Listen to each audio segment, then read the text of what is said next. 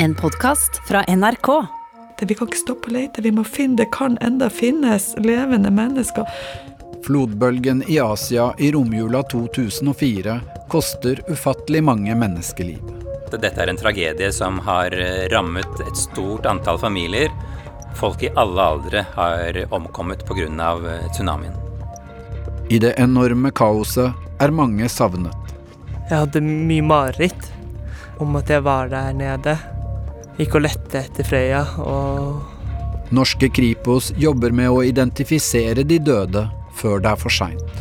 Der var jo temperaturen 30-40 grader. Så da går jo forråtnelsen veldig raskt.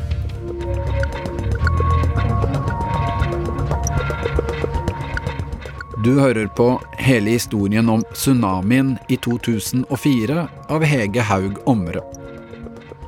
Episode 4 Det siste håpet.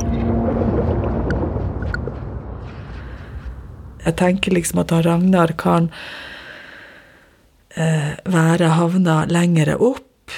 Han kan være funnet av noen sjøsigøynere, det er noen som kan ta vare på han opp igjennom langs kysten mot Burma. sånn at vi ga liksom ikke opp og tenker at vi må leite, og vi må organisere denne leitinga. Og jeg må få norske myndigheter til å tro på at det kan faktisk finnes barn eller voksne eller noen som er havna på thailandske oppsamlingsplasser, og ikke bare i hotellområder. Lise Bang Eriksson har blitt værende igjen i Thailand for å lete etter sønnen Ragnar. Han hadde bare på seg badebukse og blå svømmearmer da tsunamien traff bungalowen de var i i Kaulak andre juledag. Norske Kripos har også kommet for å hjelpe til. Og de begynner på en måte systematisk å lete etter de nordmenn og prøve å kartlegge hvilke hoteller de bodde på, hvor var de ulike hotellene. Og det kunne på en måte vi være med på å vise området som vi var i. Et identifiseringsteam fra Kripos har fått utdelt et område ved et buddhistisk tempel kalt Likoppsamlingsplass 1B. Og vi kom inn på en, eh, et tempelområde hvor vi fikk opplyst at det skulle ligge ca. 1400 lik. Men jeg tror kanskje det kunne like godt være 1600 som 1800. Og de var bare lagt ned på bakken. Noen var tulla inn i plast, sengklær. Asbjørn Hansen fra Kripos hjelper til med de rettsmedisinske undersøkelsene. De har lagt ut en presenning og jobber direkte på bakken. Hvert enkelt kropp skulle jo nøyaktig behandles. Undersøkes i forhold til ringer, smykker, øredobber. Måtte vi gå over kroppene for å se om det fantes eh, tatoveringer eller arr. Og det gjorde jo det at vi måtte eh, gå grundig til verks for å finne helt inn til skinnet. For det var jo veldig mye slam, sand osv. som lå rundt eh, kroppene. Han vet at det er en kamp mot klokka. Jo lengre tiden går, dess mer utfordrende blir identifiseringsarbeidet.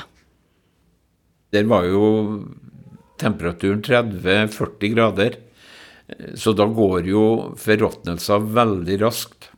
Og allerede på de dagene der så har alle fått den samme farven, eh, og mista trekka sine. Så det var veldig vanskelig å se om det var en asiat eller om det var en uh, europeer, for å si det sånn. Og da så jeg en person som gikk der helt litt sånn fortulla. Og da tenkte jeg at jeg skulle gå bort og snakke med han. Så viste det seg at det var en svensk mann som fortalte meg at uh, han var ute og lette etter kona og dattera si. Eh, men nå måtte han bare slutte, for nå, han hadde ikke sjanse til å kjenne igjen dem.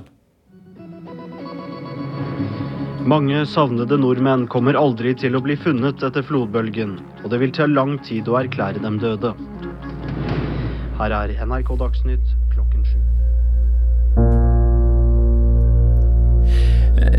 Vi sto der og lurte på hvor vi, vi skulle egentlig begynne hen. Og da var det vel en som foreslo at vi begynner med de små kroppene, dvs. Si barna. Små barnekropper har færre kjennetegn. Fingeravtrykkene er mindre tydelige. Mange har heller ikke ennå vært hos tannlegen og fått røntgenbilder av tennene sine. Bildene brukes for å identifisere døde. Eh, plukka ut dem først, når vi så dem lå i mengden. Um, på nyttårsaften når klokka var tolv i Thailand, så ringte jeg hjem, og da var jo seks der. Og da snakka jeg bl.a. med barnebarnet mitt som var to år. Og da Da fikk jeg en reaksjon. På nyttårsaften holder kongen nyttårstale. Uten forvarsel har hundretusener av mennesker blitt revet bort eller blitt hardt skadet, og millioner har mistet hjemmene sine, livsgrunnlaget og alt de eide. Til nå er altså 21 nordmenn bekreftet omkommet, men statsminister Kjell Magne Bondevik sier at vi må forberede oss på at antallet døde nordmenn kan bli flere hundre, kanskje over tusen. Et nytt år starter. Første nyttårsdag 2005. Over hele landet blir det flagget på halv stang i dag. Og mange gudstjenester er viet ofrene for flodbølgekatastrofen denne offisielle sørgedagen.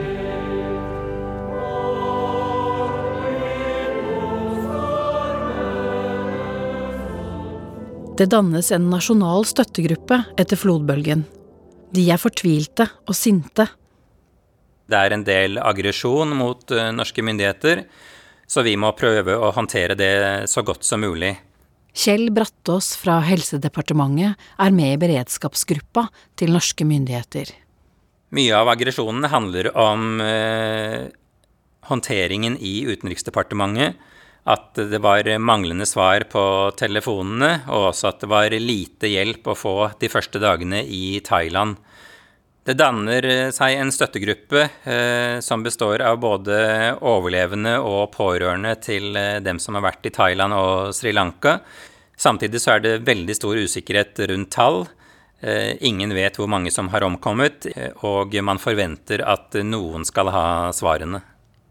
Kripos overtar listen etter savnede nordmenn fra UD, og i begynnelsen av januar er antallet savnede nordmenn nedjustert til 88.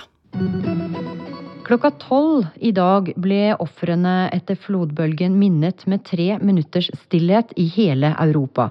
Her i Norge stanset bl.a. kollektivtrafikken opp, og radio og TV tok pause i programmene sine. Næringslivsleder Jan Reinås får oppgaven med å lede et utvalg som skal granske myndighetenes håndtering av katastrofen. Vi må jobbe profesjonelt og sortere følelser og debatt fra fakta. Men er det mulig å ikke la seg påvirke av all kritikken som har kommet fra f.eks. pårørende som ikke fikk hjelp?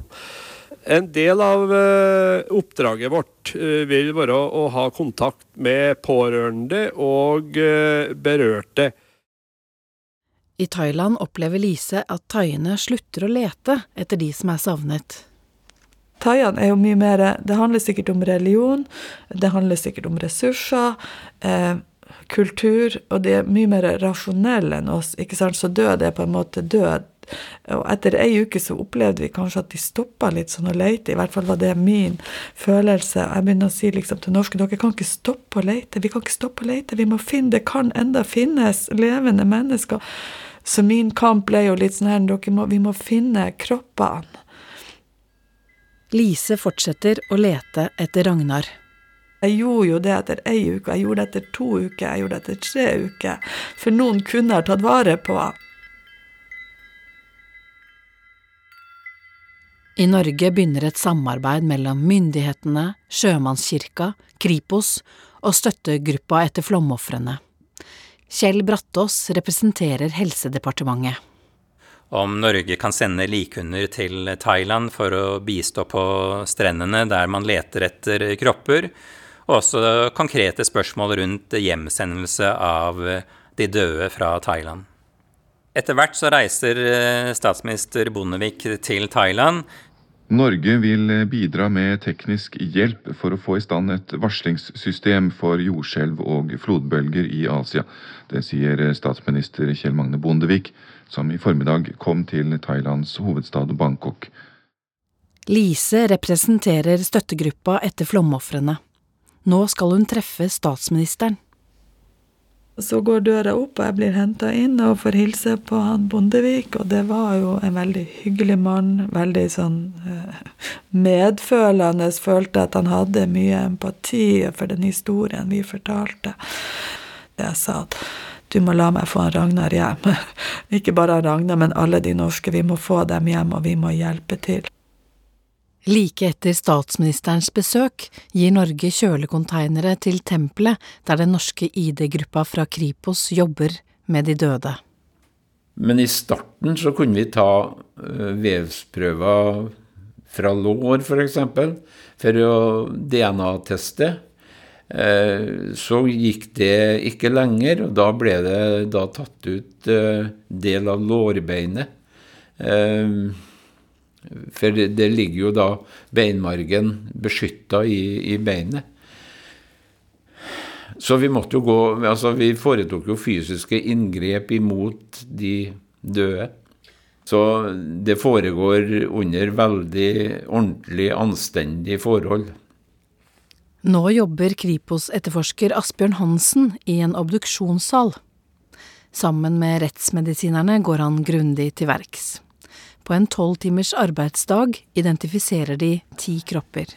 Først får selve kroppen et nummer, og så blir jo alle tinga knytta opp imot den kroppen, eh, blir jo også merka med det samme nummeret. Sånn at det ikke skal være muligheter til forveksling, eller mm, at det blir noe galt med det. Den norske ID-gruppa jobber internasjonalt med Interpols registreringssystem for omkomne ved katastrofer. Under identifiseringsarbeidet er det et gult og et rosa skjema som skal matche. Det gule ante mortem før død, og det rosa post mortem etter død. Og så blir de to skjemaene holdt opp imot hverandre. Eh, så det som skjedde når det ble meldt savna f.eks.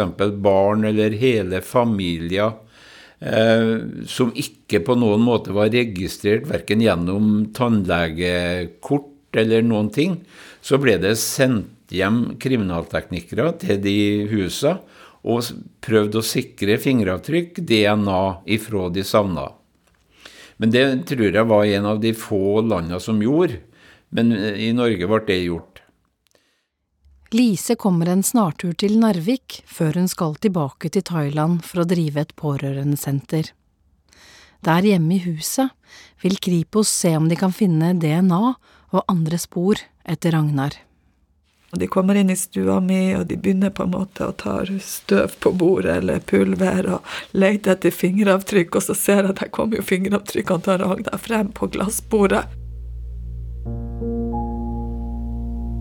Og det samme med barnebøkene. De ber om å få bøkene hans fordi at de skal studere fingeravtrykkene, og vi går over steller kommoden og finner negler og hår på børsten og tannbørsten.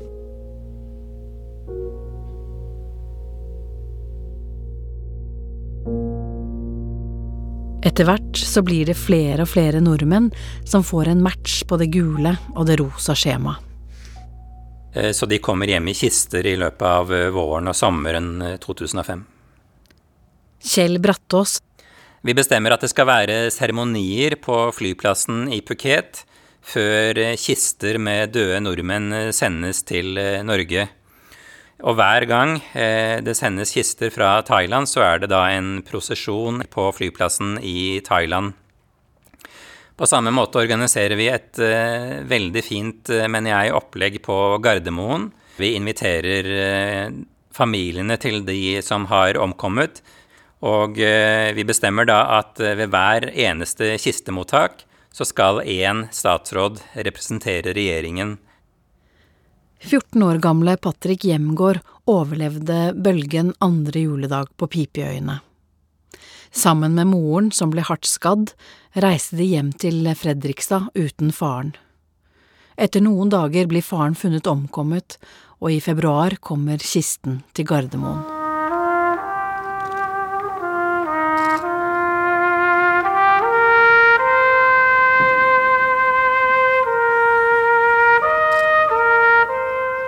Man kommer jo inn i en stor hall hvor det er satt opp stoler, og det er jo masse presse til stede, og det er eh, eh generaler fra militæret, og det er eh, Jeg sitter på første rad nærmest kistene. Så jeg står vel foran stolen min når de kommer inn og blir båret inn av militæret. Jeg vet jo det at pappa hadde jo vært stolt hvis han hadde visst det. For han var jo en uh, soldat sjøl og var verva i militæret i seks år. Det er en stemning som det er i en begravelse, bare at det er flere familier. Og mer støy og masse gråting og Vel en begravelse på steroider. Og man ville jo egentlig bare åpne kista og dra ut pappa. Lennart Hjemgård ble 43 år gammel. Vi plasserer et bilde på pappa på kisten, og kistene blir båret ut til bilene, hvor vi da kjører hele veien fra Gardermoen og følger pappa med kista med åpne vinduer, sånn at vi kan se den hele veien hjem.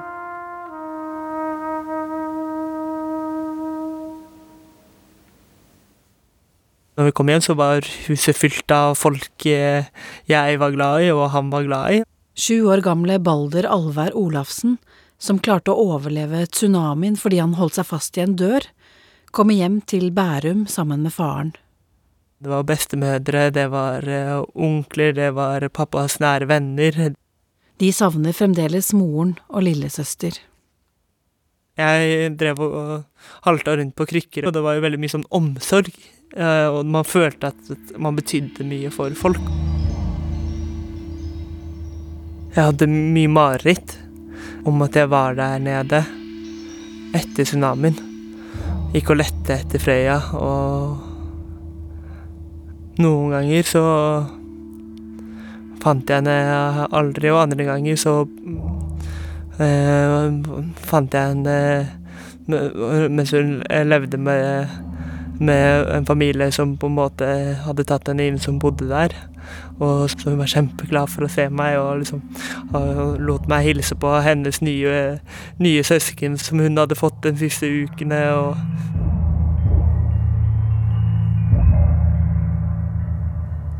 I løpet av våren finner ID-teamet lillesøster Frøya Alvær Olafsen. Hun ble bare fem år gammel.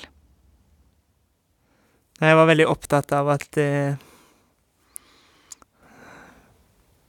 Freya skulle ha med seg kosebamsen sin i ræva og skulle få med seg den og Også barnas mor, 37 år gamle Elfrid Alvær Barth, blir identifisert og får en grav i Norge. Jeg var veldig opptatt av at alle stearinlysene skulle være tent i gravferden. og Lise er tilbake i Thailand, hvor hun er daglig leder på et pårørendesenter for nordmenn. Der samarbeider hun med myndigheter, Sjømannskirka og Kripos. På det som skulle være treårsdagen til sønnen, får hun tilsendt et bilde formet som en solsikke, med Ragnars ansikt som en krone i midten. Ragnar var i sol, og var jo vår solstråle. På hvert kronblad er det en hilsen fra barna i barnehagen hjemme i Norge. At vi savner ei Ragnar-hilsen, Skarpen barnehage.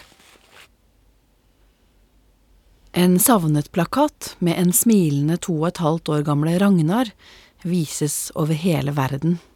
Han ble, han ble, etterlyst på alle, tror jeg, kanaler. Han var jo både på CNN og på Fox News og på Vi ble også oppringt av New York Times, for vi prøvde liksom å, å fronte for å, å, få hjelp til å lete. Og Lise leter langs strendene og viser fram bildet av Ragnar. I en liten fiskelandsby treffer hun taier som har mista alt de bor i en slags nødleir med hundrevis av telt.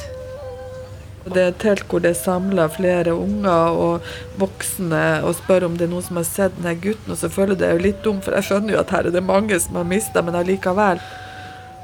Og så ser jeg her er jo masse små unger og en unge som gråter, ikke sant. Og så er det ei thaidame som kommer bort til meg med en unge som gråter i armene, og så sier hun Uh, you take, you take. Jeg sier bare nei, jeg kan ikke ta ungen. Jo, come on, you take. Mamma, pappa.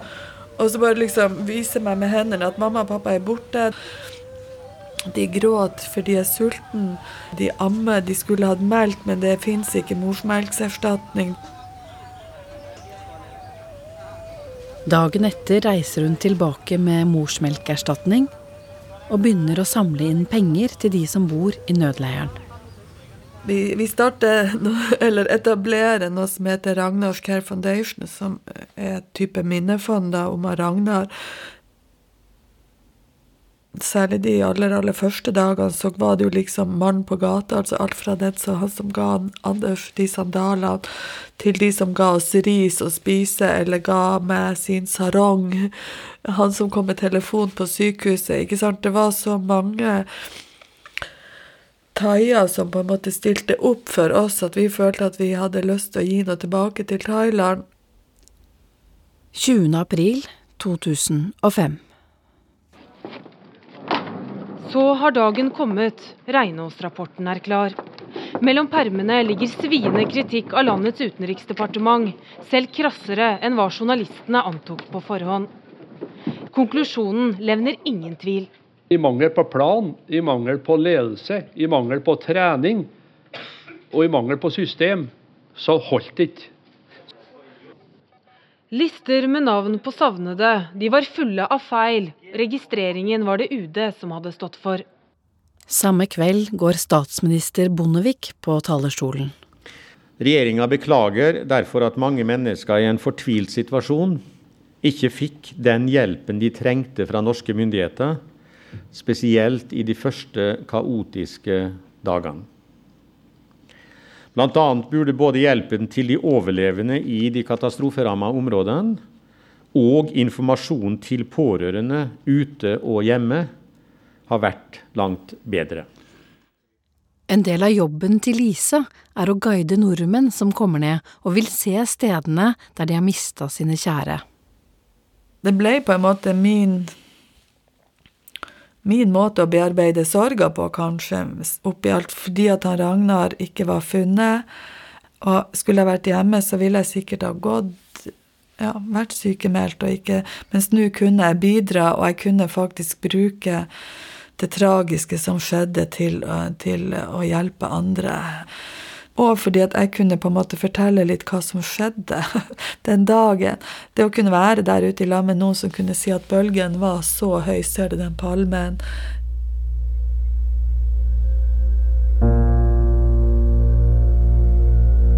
Jeg leter etter han Ragnar, men jeg skjønner jo Jeg skjønner jo fort, i og med at jeg jobber der, og jobber så tett på politiet og Kripos og er ute og tilbake i Kaolak og skjønner jo ganske fort at det gikk ikke an å overleve. Altså, når de ikke var funnet, altså.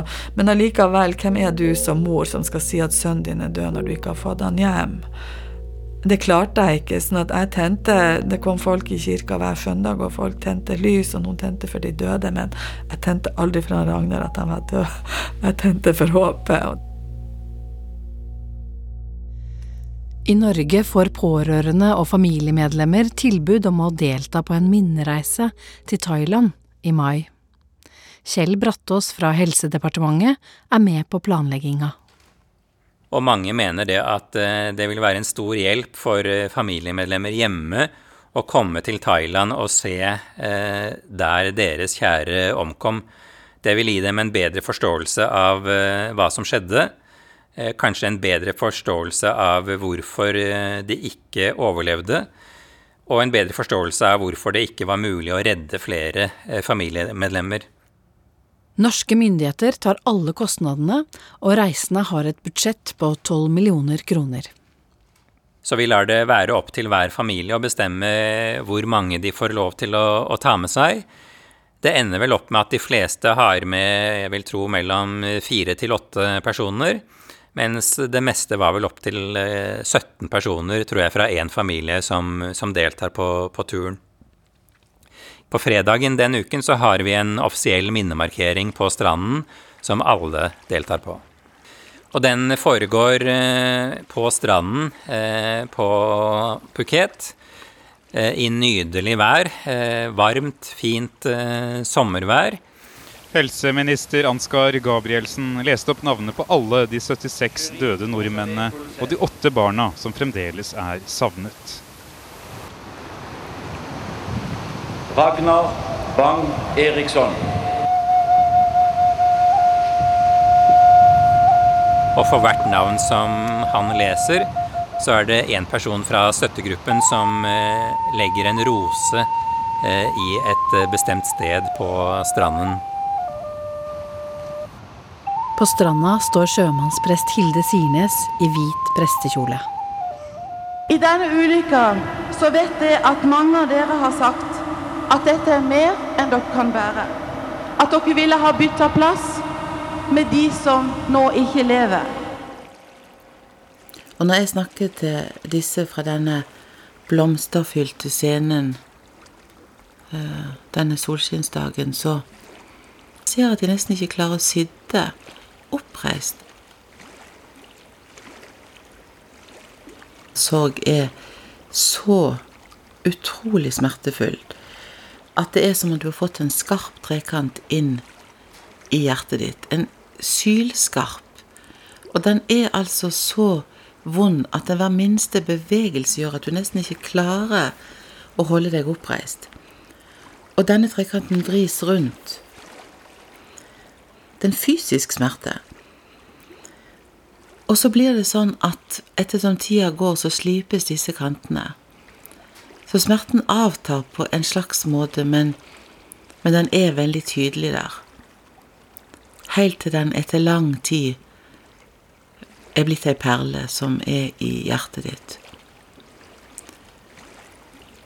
Det er en skatt, det er en pris man har for å elske. Nei, Jeg var eh, dypt rørt. Det var en vakker markering med alle de pene melodiene som ble sunget. og Presten hadde en vidunderlig tale.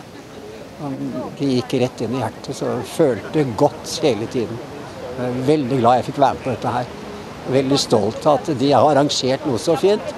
Hele turen har vært eh, bare godt for oss eh, i min familie og de rundt meg. Minnemarkeringen ble avsluttet med at alle som ville, kunne ta med blomster ned til stranden.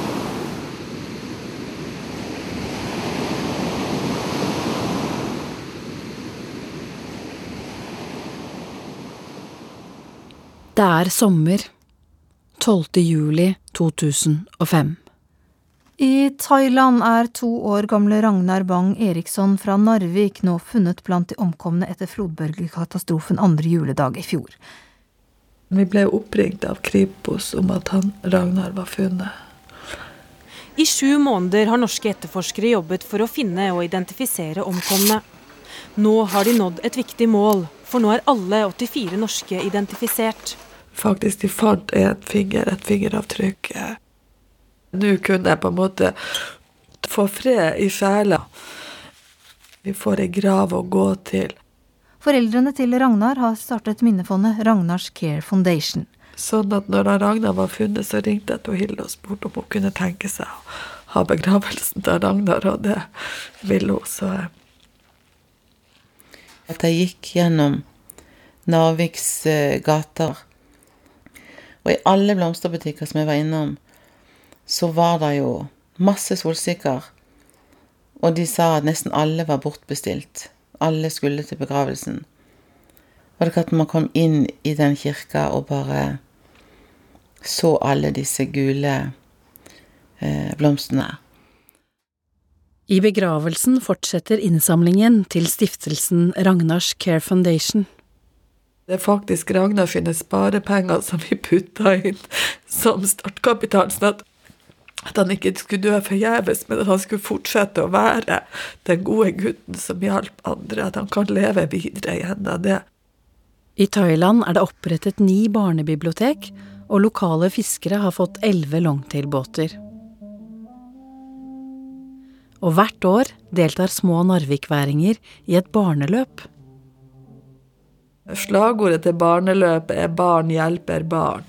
Og logoen er sola til Ragnar. Sånn at når vi hadde det første barneløpet, så var det liksom 300 unger som sprang over brua i Narvik med sola på brøstet.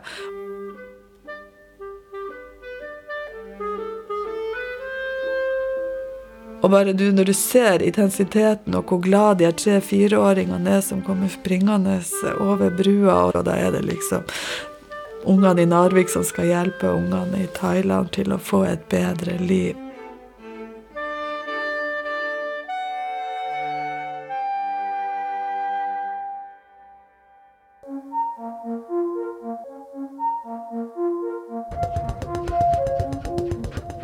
Du har hørt historien om tsunamien i 2004, en serie i fire deler av Hege Haug Omre. Lyddesign ved Kjetil Hansen. Produsent Kaja Frøysa. Redaktør er Siril Heierdal. Jeg heter Kjetil Saugestad og er prosjektleder. Sender du en e-post til oss på helehistorien krøllalfa nrk.no, så lover vi at du får svar. Alle episoder finner du først i appen NRK Radio. En podkast fra NRK.